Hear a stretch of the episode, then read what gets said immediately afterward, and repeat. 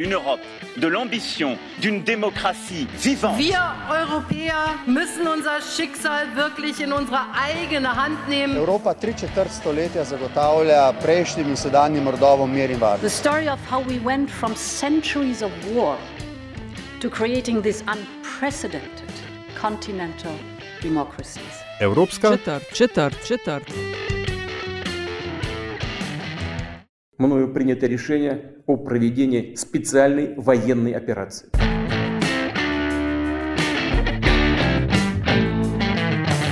Spoštovane in cenjeni, dobrodošli v podkastu Evropska četrt. Podcast o vsem, kar vas bo zanimalo o Evropski uniji, pa niste vedeli, koga vprašati. Evropsko četrt vodi vam Nataša Briški in Aljaš Penkov Bitenc. Podcast domuje na spletni postaji metinalista.si, v vašem nabiralniku pa sveža epizoda takoj, ko je na voljo. Ali je nova serija, oziroma nova epizoda v uh, najni seriji, s katero skušava osvetliti dogajanje v Ukrajini in vse te uh, eksplozije, ki se čutijo na vseh koncih sveta, uh, z vremenom tokrat. Uh, kakšno imate vreme pri vas? A, Pri nas, a, pri Ja. nas je a, jasno, celo a, konči, končno je tudi zjutraj nad a, ničlo, tako da se že veselim a, zmrzali in pozebe, ki gotovo pride čez dva tedna. No, pri nas v Sloveniji je ta moment kar že skoraj pomladno. Eh, Vlasta je se nič zelo, zelo sva vesela, eh, da si se nama pridružila. Sonce močno eh, vidim z tvoje desne, sonce v Moskvi. Ja, glej, vse, kar zadeva vreme, imamo danes res eh, krasen sončen dan, res da je zelo, zelo mrzlo od zunaj, v bistvu se zima še tukaj ni poslovila, ne glede na to, da smo že krepko v marcu, ampak drugače pa, če bi zdaj eh, iz- uporabljala izraze iz vremena, ne, eh, bi rekla, da smo pa v, glede na vse, kar se dogaja v, v zadnjih dneh, zadnjih tednih, v globoki, globoki zimi. In točno o tem želiva vlasta s tabo eh, govoriti. Eh, in sicer kako dogajanje v Ukrajini odmeva v Rusiji pri tebi. Seveda se zavedava, da eh, tega novega zakona, ki eh, ga morate upoštevati novinari in novinarke, dopisniki in dopisnice pri svojem delu, a lahko eh, mal poveš, kaj na stvari. Kaj lahko počnete, kaj ne, kako je omogočeno delo, katere izrazi so dovoljeni, kaj je na črni listi, in tako dalje. Um, Duma je sprejela uh, v začetku marca en zakon, ki zadeva ne le poročanje uh, ruskih novinarjev, ampak poročanje vseh novinarjev, se pravi tudi nas, ki smo tuji dopisniki iz Moskve. Gre za res najbolj drastičen zakon, ki ga v tej svoji karieri, odkar jaz spremljam Rusijo ali pa odkar poročam iz Rusije, to je pa zdaj že skoraj 17 let, um, še nisem doživela. No? Pa naj je šlo za kakršno koli vojno, tudi na torej, ruskih tleh. Uh, Duma je namreč sprejela zakon, ki za namerno širjenje domnevno lažnih informacij o delovanju ruske vojske uh, prinaša do 15-letno zaporno kazen. Uh, Ta zakon govori tudi o diskreditaciji ruskih oboroženih sil. Za morebitno diskreditacijo so, so zagrožene denarne kazni in tudi zaporne kazni, in po tem zakonu ljudi že kaznujejo, torej kaznujejo ruske državljane samo zato, ker so recimo prišli na proteste proti, zdaj bom pa uporabila m, ta izraz, ki ga moramo uporabljati, torej tako imenovani vojaški operaciji v Ukrajini, kot eh, Moskva označuje vojno v sosednji državi, torej ljudje, ki so prišli na te proteste in so nosili v rokah plakate, na katerih je bilo napisano ne vojni, so bili že denarno kaznovani. Gre za denarno kazen približno 35 tisoč do 60 tisoč rubljev. To je za povprečnega ruskega državljana zelo, zelo veliko denarja, ne glede na to, da je rubelj strmoglavil. Um, recimo, tako je, da boste si znala predstavljati, zdaj, recimo, za en uh, evro dobiš približno 110-120 rubljev. Pred začetkom vojaške operacije v Ukrajini si jih dobil 86. Kar zadeva naše delo, pa mislim, da smo res prišli v obdobje, dovolila si bom to reči, na nek način popolne cenzure v Rusiji.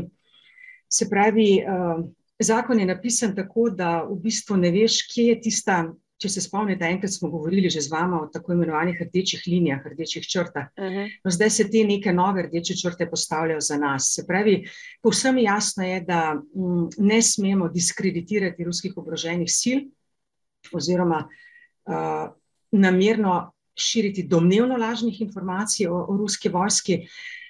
Vse ostalo, kar pa je v paketu tega zakona, je pa napisano tako, da si v eni zelo, zelo veliki sivi coni, kjer pa se lahko zakon interpretira tako ali drugače. Posledica tega zakona je ta, da so številni novinari fizično odšli iz Rusije, torej ne poročajo več, govorim tudi o nekaterih zahodnih medijih.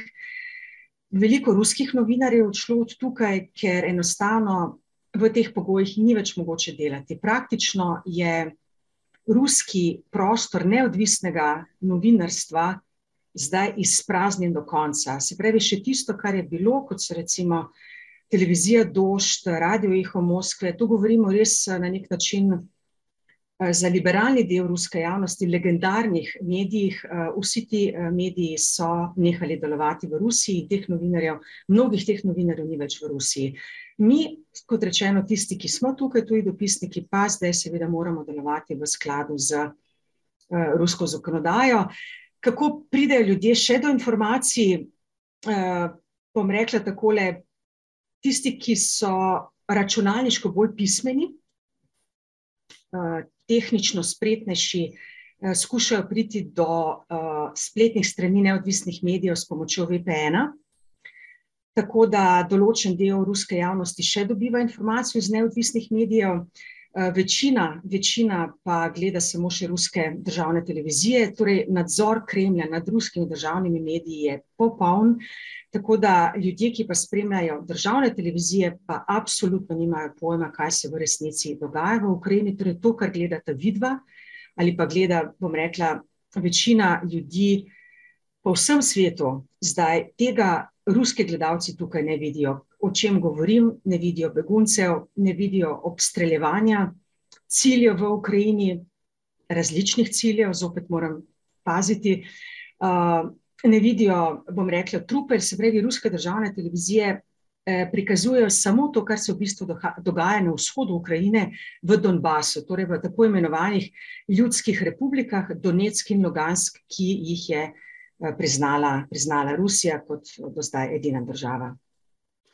Vlasta, ko smo se z Natašo pripravljali na ta naš pogovor, smo imeli odkrito povedano, kar v bistvu pomisleke, ne, um, ali ne ga sploh um, organiziral, oziroma uh, ga imamo. Uh, ravno zato, ker nisva vedela, ali bo vam midva tebe ne, na nek način s tem spravila v težave. Uh, po vsem tem, kar se je opisala, kako lahko tuji dopisniki, da o ruskih novinarjih sploh ne govorimo, sploh še upravljate svoje delo? Zelo težko. Eh, to, kar, eh, kar so zdaj naše omejitve, je, eh, da se lahko sklicujemo, ko gre za vojaško operacijo v Ukrajini, se lahko sklicujemo samo na uradne ruske vire. Torej, Ministrstvo za obrambo, rusko vlado, ne moremo se sklicevati recimo na nepreverjene, kot bi rekli, kot bi rekli tukajšnje oblasti vire iz katerega koli družbenega omrežja, kar tako ali tako novinari nismo počeli. Ne? Novinari uh, se vedno sklicujemo na neke informacije, ki jih lahko preverimo in dokažemo. Tako da vse to je zdaj onemogočeno. Uh, kot rečeno, ko gre za vojaško operacijo v Ukrajini, lahko mi citiramo samo uradne uradne ruske medije. Tista, bom rekla, območja ali pa področja, no ne območja, tisto, čemer lahko poročamo, veliko stvari se seveda dogaja zaradi te vojaške operacije, že tudi v Rusiji, gospodarsko gledano, torej zahodne sankcije, posledice teh zahodnih sankcij, ki se že čutijo in se bodo čutile z vsakim tednom bolj in bolj in bolj. Eh, o tem lahko poročamo, ampak zopet so tu neke, neke omejitve, kjer pač mi resnično moramo ljudi, ki jih intervjuvamo, recimo eh, na cesti eh, ali jaz za televizijo ali za radio, te ljudi pač moraš prikazati. Morate pa zdaj razumeti, da ljudje, eh, ko jih sprašuješ, to je že zdaj moja izkušnja, pa ta zakon velja, ne vem, mislim, na par dni. Ljudje že pazijo, zelo, zelo pazijo, kaj govorijo, torej kaj ti odgovarjajo. In tudi jaz osebno sem opazila, to vam bom povedala, Eh, nekako se okoli tebe pojavljajo neki, neki ljudje z nekimi telefončki, ki skratka snemajo tebe, ki snemaš ruse. Kdo so ti ljudje, jaz lahko samo sklepam, ampak v tem smislu je seveda poročanje iz terena zdaj težje, bolj zapleteno. Uh, Vlasta, omenila si o tem, govorila si o tem, kakšna je cenzura. Okay, kaj vse, kjer vse novic ne dobijo uh, ruski državljani in državljanke. Zdaj pa, če bi jaz prišla, ne vem, iz Marsa in zadnje dva tedna bila v Rusiji, kakšno sliko bi si pa ustvarila na podlagi tega, o čemer pa poročajo in kar govorijo? No, Nataša, če bi ti prišla z Marsa, bi ti svetovala, da pojdi nazaj na Mars, ker boš tam dobila, po moje, več informacij kot tukaj. Dobro, zdaj z mene govori že malo cinizem. Če bi ti prišla zdaj v Rusijo, še enkrat, če, če ne bi obvladala pač VPN-ja in skušala na tak način priti do spletnih strani tistih medijev, ki so zdaj blokirane, do družbenih omrežij, recimo Telegrama, kjer se veliko informacij, vendar le določen del populacije ruske dobiva, govorim zlasti o mlajših, ne, o, o mlajših ljudeh, ki vendar le ne gledajo televizije. Eh, Facebooka ni več v Rusiji, se pravi, dostop do Facebooka je blokiran, do Twitterja je zelo omejen.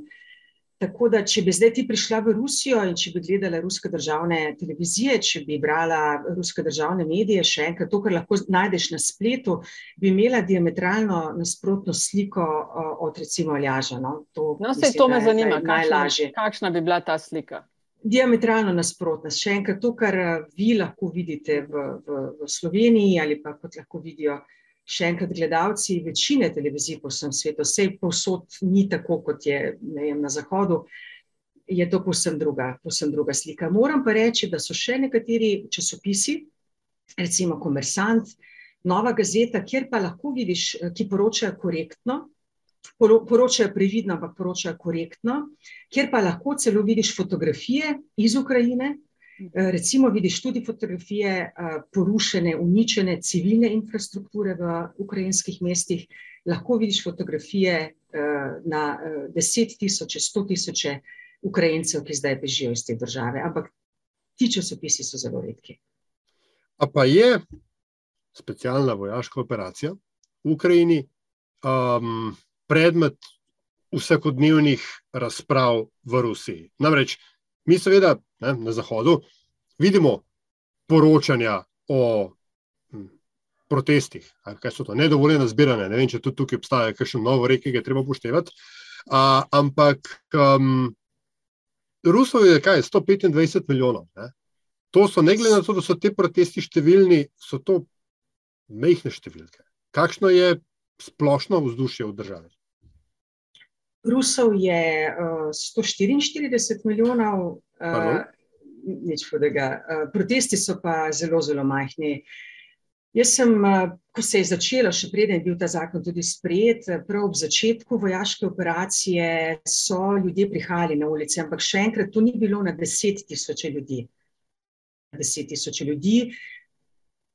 V Moskvi, v Peterburgu, ki sta največji ruski mesti, je prišlo na ulice recimo tri, dva, tri, morda 4000 ljudi, ampak skoraj polovico teh, so, kar se je potem izkazalo, je policija tako ali tako priprla. V Rusiji je izjemno težko protestirati, sicer že zaradi zelo represivne zakonodaje, ki zadeva tudi nedovoljene proteste, nedovoljene shode. Eh, zelo hitro končaš tukaj, najmanj 15 dni v zaporu, 30 dni v zaporu, potem za ponovitvijo, recimo, če prihajaš na te dovoljene proteste, shode se pa potem te zaporne kazni samo daljšajo oziroma višajo, tri leta, tudi več let. Če si morda, ne vem, te je udaril policist, pa si ga udaril nazaj, ta zaporna kazen še toliko višja.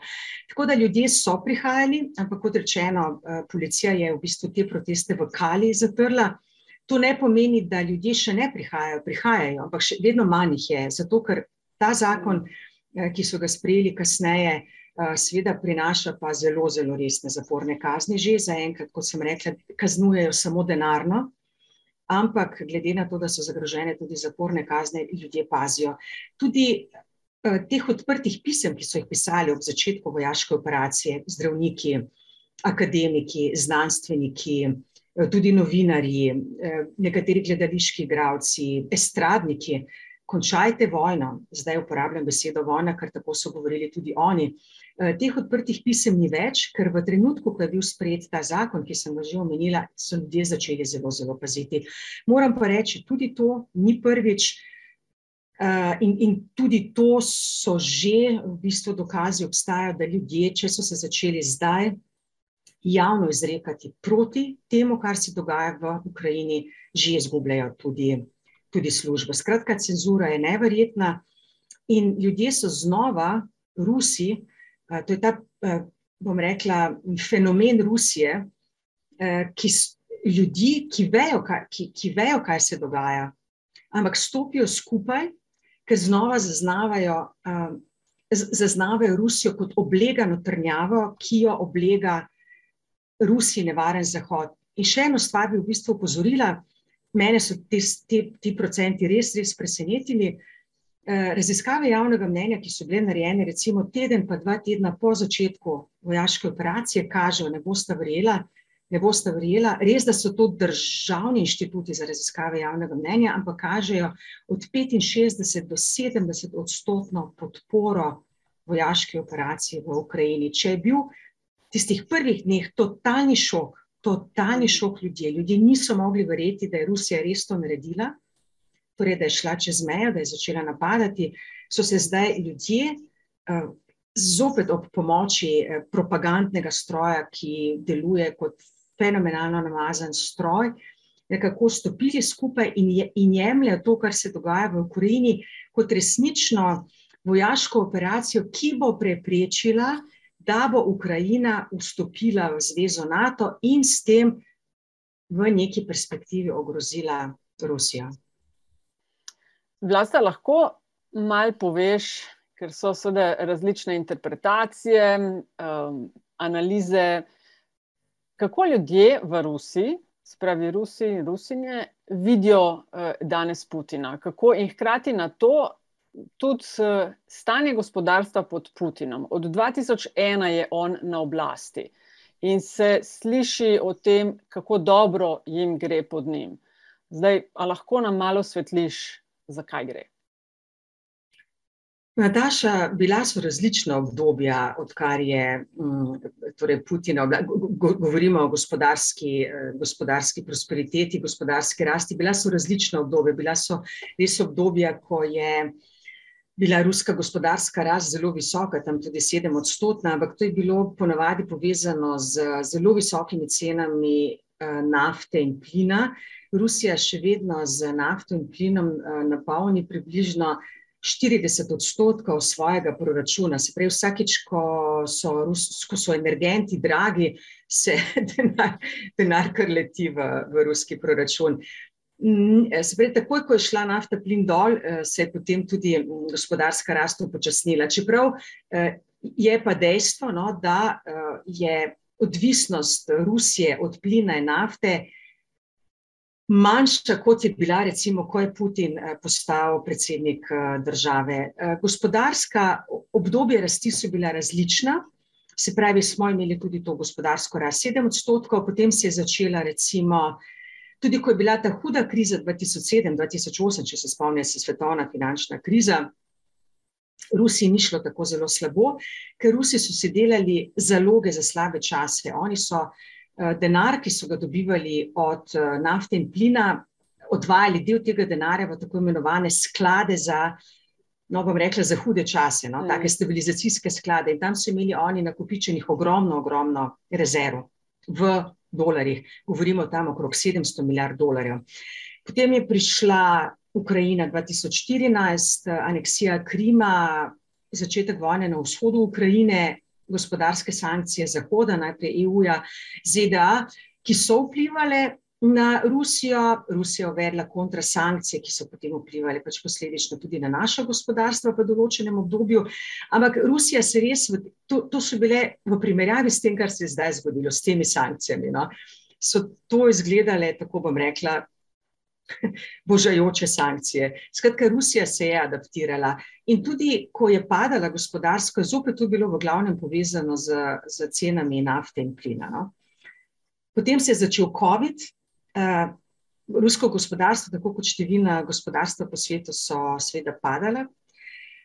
Uh, Rusija je potem začela rasti po COVID-u, je imela prvi, prvič rast, no, ampak to obdobje rasti je bilo zelo kratko, ker se je že začela vojaška operacija v Ukrajini. To, kar pa zdaj kaže, se pravi, te, bom rekla, sankcije, ki jih nekateri primerjajo, eni rečejo, kot, kot da bi padla jedrska bomba, recimo na, na Rusijo, v gospodarskem smislu, seveda govorim.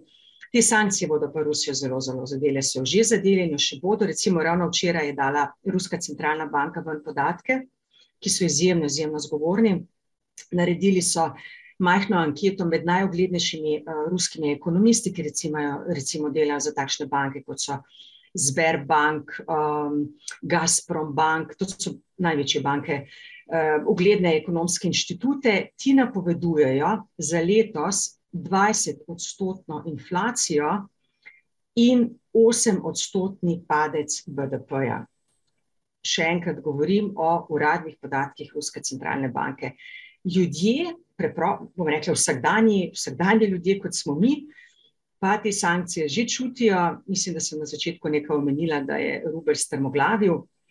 Uh, jaz v konkretnem primeru lahko rečem zase, da ne morem več dvigniti tuje valute, Se pravi, jaz uh, moram zdaj denar naročiti in ga bom uh, lahko dvignila šele čez mesec dni.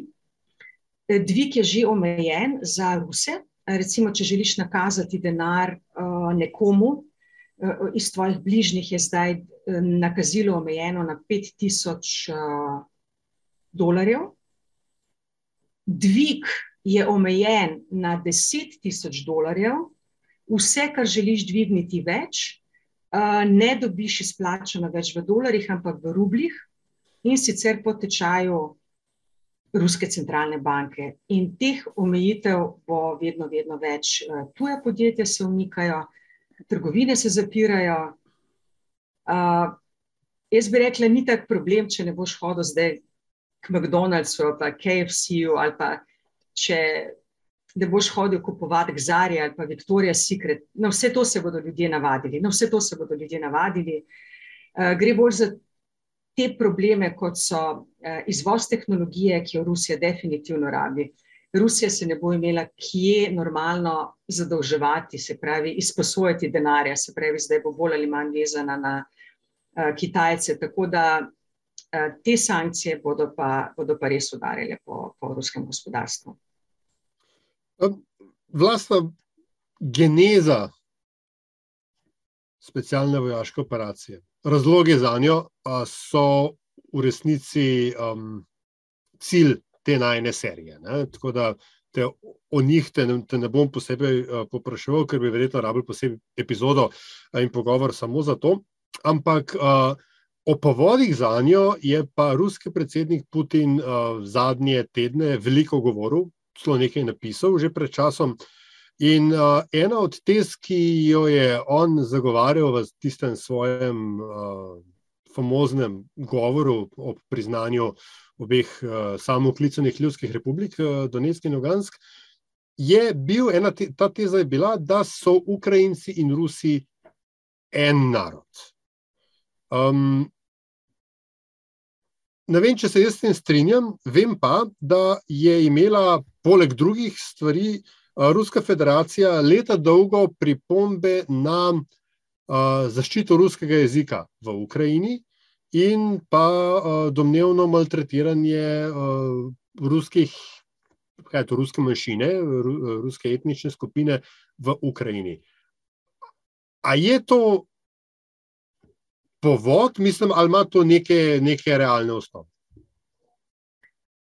Jaz sem eh, v bistvu Ukrajino spremljam, kako bi rekla, odkar sem v Rusiji, no, z tisto pauzo, ko sem, ko sem poročala iz Združenih držav Amerike, ampak drugače eh, vse, kar se je dogajalo v Ukrajini, vse ukrajinske revolucije, no, od oranžne do, do te zadnje na Majdanu leta 2013-2014 sem spremljala Jaz sem posnela film o Ukrajini, uh, Ukrajina na dveh bregovih, ki je bil posnet na, na, na obeh delih, če želiš, no, tudi na vzhodnem delu Ukrajine, v teh samooklicanih republikah, v Donetsku.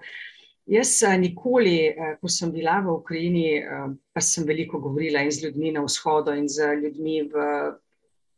Sploh ne vem, kako bi se zdaj izražala. Ukrajina je še vedno ena država, sej Donetska, Luganska ni priznal nihče.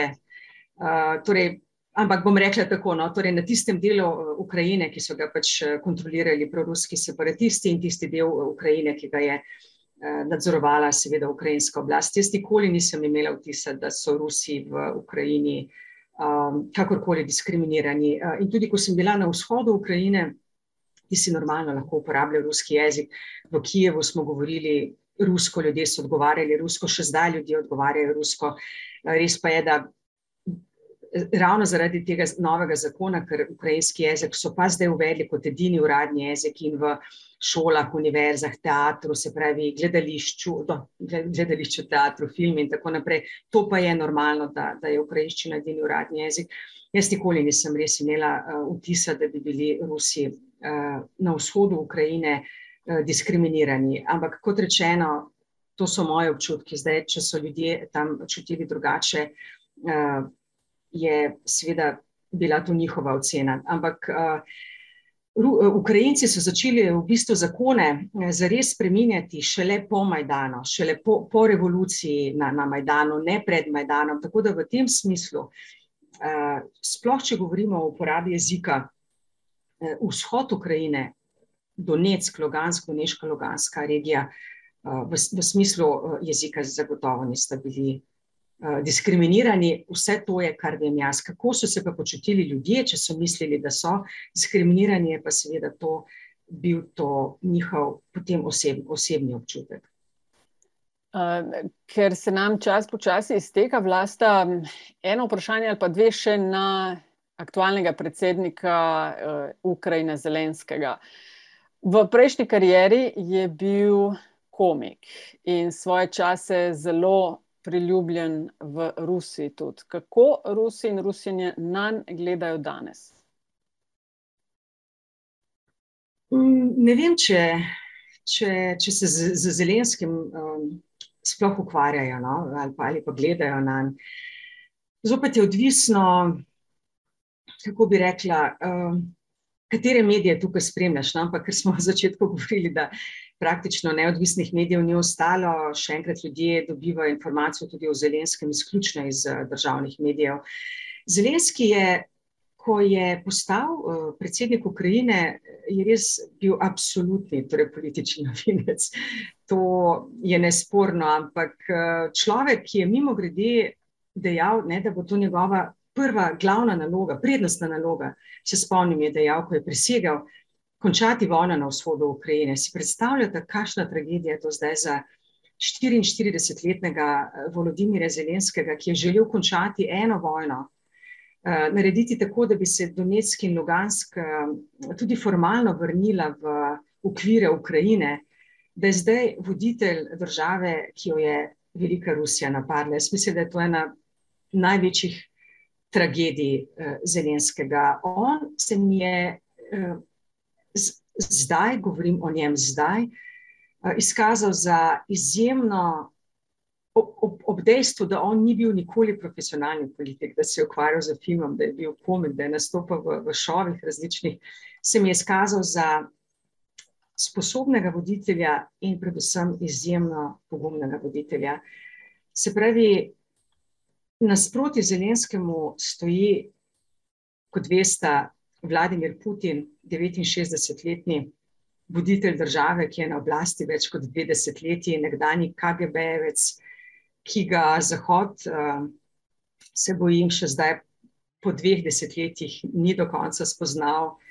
In je bil v bistvu vsakič, ko se je pogovarjal z njim, zelo, zelo naiven. In zato tudi uh, to, kar se dogaja zdaj, uh, tudi ta šok, ki, ki smo ga v bistvu ne bili vsi uh, nekako deležni uh, na Zahodu, ker nihče ni pričakoval, da se bo Rusija odločila za tako obsežno vojaško operacijo, kot se je odločila, ne pa za omejeno, ki bi bila recimo omejena na, samo na vzhod Ukrajine. Tako da Zelenski se mi zdi na nek način tragična figura, ampak na drug način pa sigurno voditelj, ki si ga bodo ravno zato, ker vodi Ukrajino, gledajte, nesporno v najtežjih časih te Ukrajine, po, torej po razpadu Sovjetske zveze, kot človek, ki si ga bodo. Ukrajinci zapomnili kot predsednika, politika, ki je vendarle uh, pač pod nekimi pogoji, ki jih bo potem verjetno določila Moskva, končal mm. to, to strašno, zdaj pa bom rekla, vojno v Ukrajini, oziroma posebno vojaško operacijo, kot, kot pravijo tukaj v Moskvi. Vlasta Jeseničnik, hvala lepa za tvoj čas in uh, srečno v Moskvo. Ja, Vlasta, hvala za pogovor no, in vse dobro pri tvojem delu, te spremljamo.